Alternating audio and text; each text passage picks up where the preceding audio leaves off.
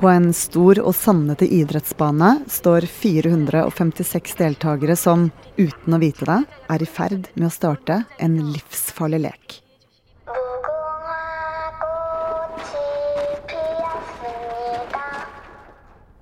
For i leken som heter Rødt lys, er det om å gjøre å komme seg fra A til B på en gitt tid. Beveger du deg når lyset er rødt, er du ute, eller rettere sagt eliminert.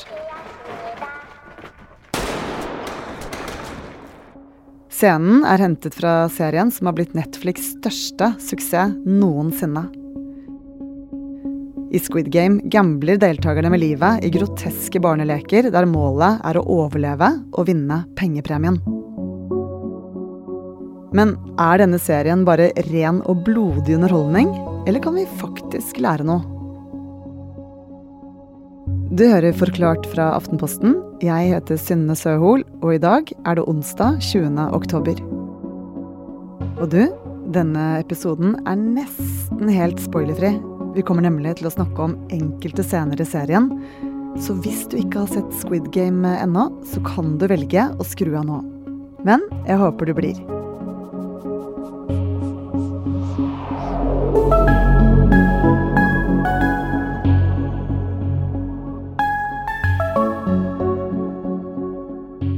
Altså, det er veldig mye spenning, det er veldig mye uh, mysterie, det er veldig sånn Herregud, hva er det som skjer her egentlig? Dette er Gry Rustad. Historien i seg selv er ikke sånn superoriginal, men de har klart å putte det inn i en ganske kul, original pakning. Og det ser skikkelig bra ut, ikke sant, med dette set-design og sånn, så ser skikkelig, skikkelig kult ut. Hun er forsker og TV-serieekspert. Jeg syns jo alle disse spillene da, som de skal spille, disse barnespillene, er gjort utrolig stilige. Og kanskje spesielt etter hvor de eh, klinker klinkekuler. Eh, den episoden syns jeg kanskje er høydepunktet til serien. Og sammen med over 111 millioner andre har hun sett hele supersuksessen, den sørkoreanske Netflix-serien Squid Game. I serien følger vi hovedkarakteren Song Gi-hon, en skilt mann som bor hjemme hos moren, som så vidt får møte datteren sin, og som har store pengeproblemer. Mye står derfor på spill når han får muligheten til å delta i en mystisk konkurranse der premiepotten er en stor sum penger som kan slette gjelden hans for alltid. Sammen med 455 andre deltakere kjemper han med livet som innsats i ulike former for barneleker. Hvordan ble en sørkoreansk serie verdens største Netflix-hit?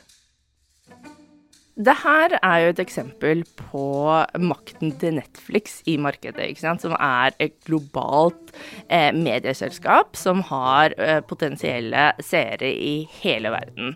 Og nå ser man jo, ikke sant, når Netflix legger seg bak et produkt, hvor gode de er til å breake dette her. Altså, det som er interessant med Squid Game, eh, og det som skjer med Netflix nå, er jo at TV-kulturen stort sett alltid har vært lokal, i motsetning til filmkulturen, som har vært veldig global liksom, hvor man ser de samme Hollywood blockbuster-filmene i hele verden, så har man gjerne sett lokale TV-program. Det er selvsagt noen amerikanske TV-program som har blitt sendt rundt i hele verden. ikke sant, sånn Friends, for eksempel, og sånn.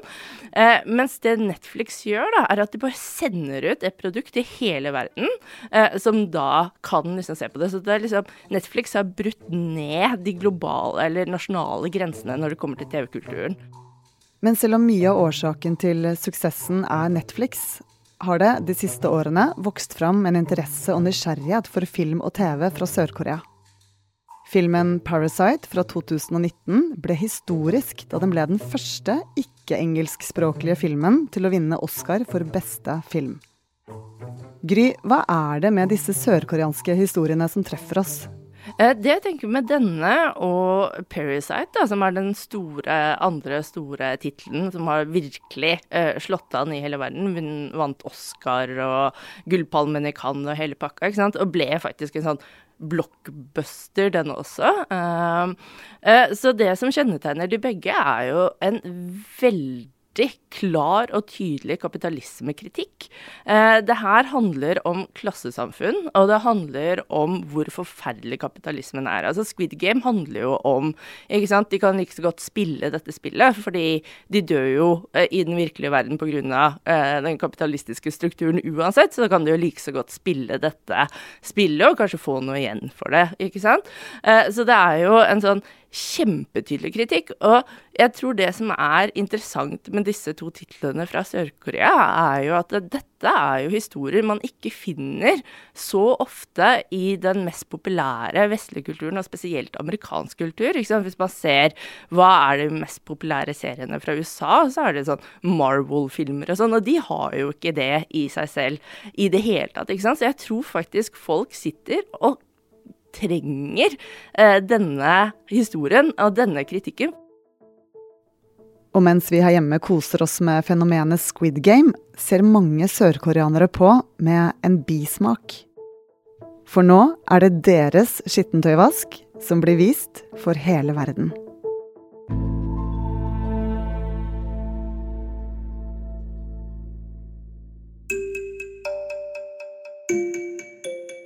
Altså, Sør-Korea er jo eh, et samfunn som ligner kanskje mer på det amerikanske. Altså, det er jo ikke Det er veldig mye altså, det, Utdannelse koster, helsevesen koster. Det er jo til og med et, eh, en storyline i Squid Game er jo at hovedpersonen drar jo tilbake fordi moren eh, har diabetes og må ha en operasjon som deres familie ikke har råd til. ikke sant? Så, eh, så sånn sett så ligner nok eh, samfunnsstrukturen i Sør-Korea litt mer på den amerikanske, sånn ut ifra Squid Game i hvert fall. Dårlig råd er ikke bare hovedtema i Squid Game. I 1997 opplevde Asia en finanskrise.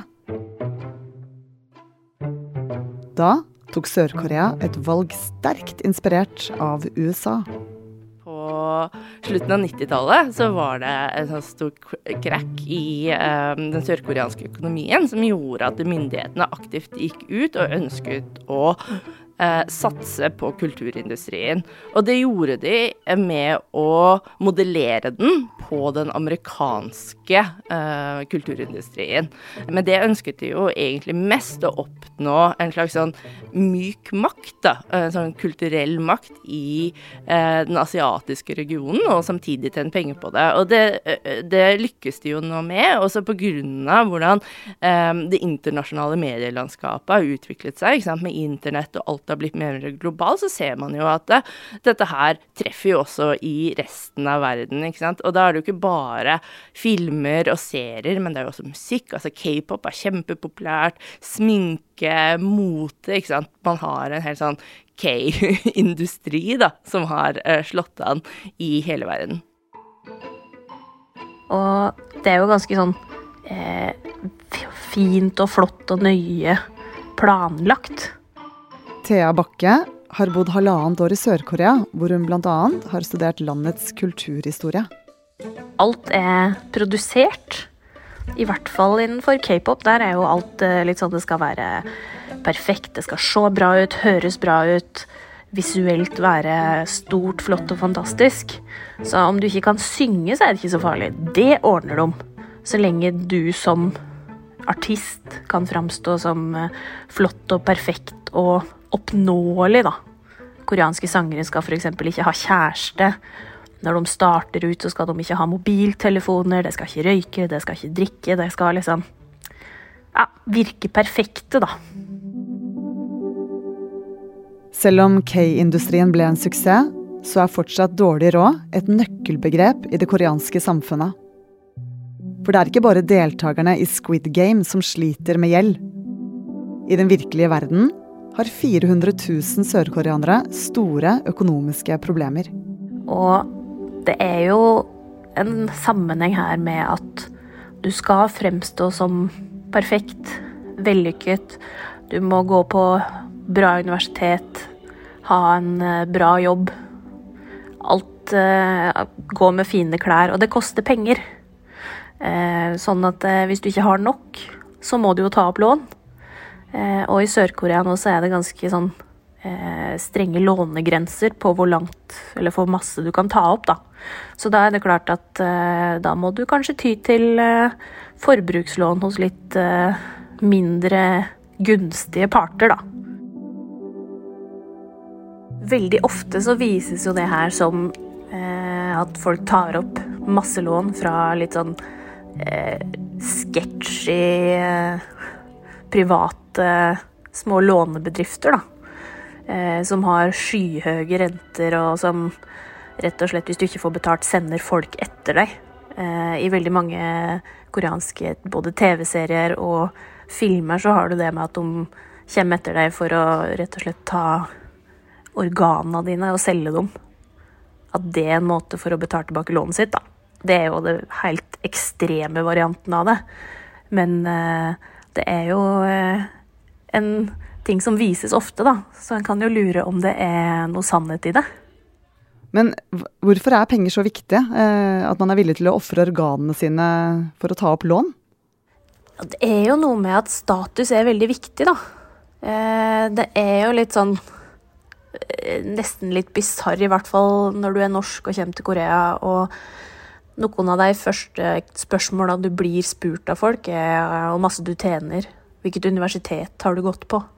Hva slags bil kjører pappaen din? Altså ting som vi sitter her og kanskje tenker at Oi, men det her har da ingenting med saken å gjøre. For det viser jo litt hvor opptatt de kan være av det materielle, da. Ja, Vil du si at det er eh, generelt et uh, materialistisk samfunn i Sør-Korea? Absolutt. Det er jo veldig opptatt av å ha store, flotte, dyre ting. Eh, Sjøl om man kanskje ikke har råd til det. Eh, veldig opptatt av merkeklær, f.eks. Eh, det er jo et land som bruker eh, fryktelig masse penger på plastisk kirurgi. Eh, og det er jo òg et tegn på at du har, har eh, penger, da. At du kan betale for å eh, bli pen, f.eks. Det er altså at eh, presangen du får når du er ferdig på videregående, det er en ansiktsoperasjon, er helt vanlig. For eh, hvis du er fin, så er det jo større sjanse for at du blir ansatt i firmaet.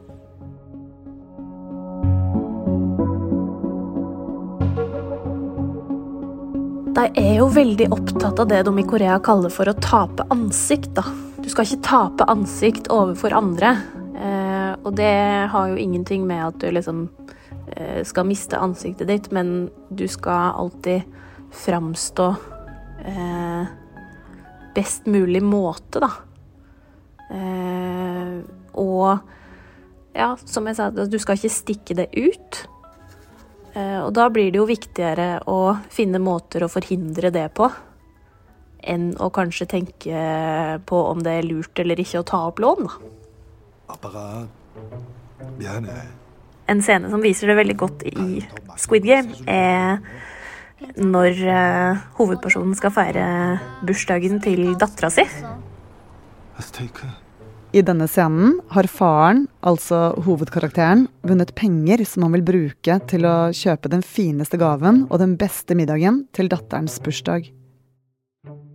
Men så blir han rana, og ender opp med å kjøpe mat fra et billig gatekjøkken, og gaven er noe han vinner på en lekeautomat. Men han later som at det her var med vilje. Og dattera spiller bare med og bare 'ja, ja, dette er veldig godt, og tusen takk for presangen'. Så du, du bare glatter over det, da. Og så er det jo en slags sånn Skal jeg kalle det en litt sånn nasjonal følelse, kanskje, som oppsto eh, i Korea i, litt sånn i kjølvannet av japansk okkupasjon. Det som de i Korea kaller for han. Som er en slags følelse Altså det er både håp og lengsel og altså litt sånn sinne. Det er noe du lengter etter. Noe sånn nesten uoppnåelig. Som eh, som du har bare så lyst til å ha tak i, og det ligger lett, rett der framme, men så får du ikke helt tak i det. Og det er litt det som, eh, som kommer fram her, da. At du har et sånn sterkt håp om å, eh, om å på en måte finne Finne lykken og bli vellykka. Og det ligger der i denne her store glasskuppelen oppi taket i Squid Game. Glasskuppelen med pengepremien på mange millioner som henger over hodene på deltakerne og blir stadig fullere med penger. Men det er ganske vanskelig å komme fram til en, og du må gjennom ganske masse fælt for å få tak i det. Det er altså ikke tilfeldig at Squid Game setter fokus på gjeld, kapitalisme og hvor langt man er villig til å gå for å opprettholde en vellykket fasade. Nå er det ikke sånn at Sør-Korea er et fattig land, og det er minoriteten av landets befolkning som sliter med gjeld. Men mange kjenner seg nok likevel igjen i den tanken om at hvis jeg bare hadde hatt litt mer penger, så kunne jeg fått et bedre liv. Og Gry, sånn er det vel for mange rundt om i verden også? man ser jo ikke sant, Pandemien har gjort forskjellene større i hele verden, og da tror jeg en sånn serie som det her treffer et eller annet eh, når det kommer til den derre urettferdigheten og liksom oppgittheten som folk antageligvis føler på, ikke sant? Som, um, på grunn av hvor urettferdig verden er. Ja, dette er et universelt uh, tema som uh, ikke nødvendigvis bare treffer i uh, Asia eller Sør-Korea. Mm. altså, det her er noe som treffer i hele verden.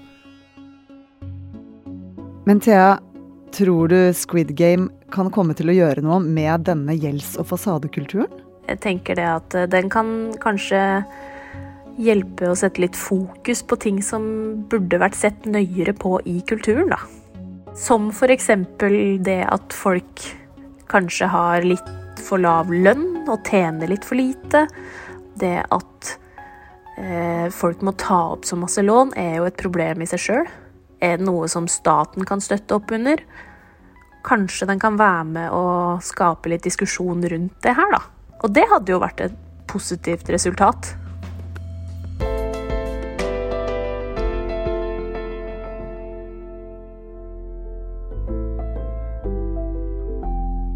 Du har hørt Gry Rustad og Thea Bakke snakke om Squid Game og sørkoreansk kultur. Det er David Vekone, Fride Næss Nonstad og jeg, Synne Søhol, som har laget denne episoden. Resten av Forklart er Marte Spurkland, Anne Lindholm, Guri Leiel Skedsmo og Thea Wold Lyster. Og lyden er hentet fra Netflix.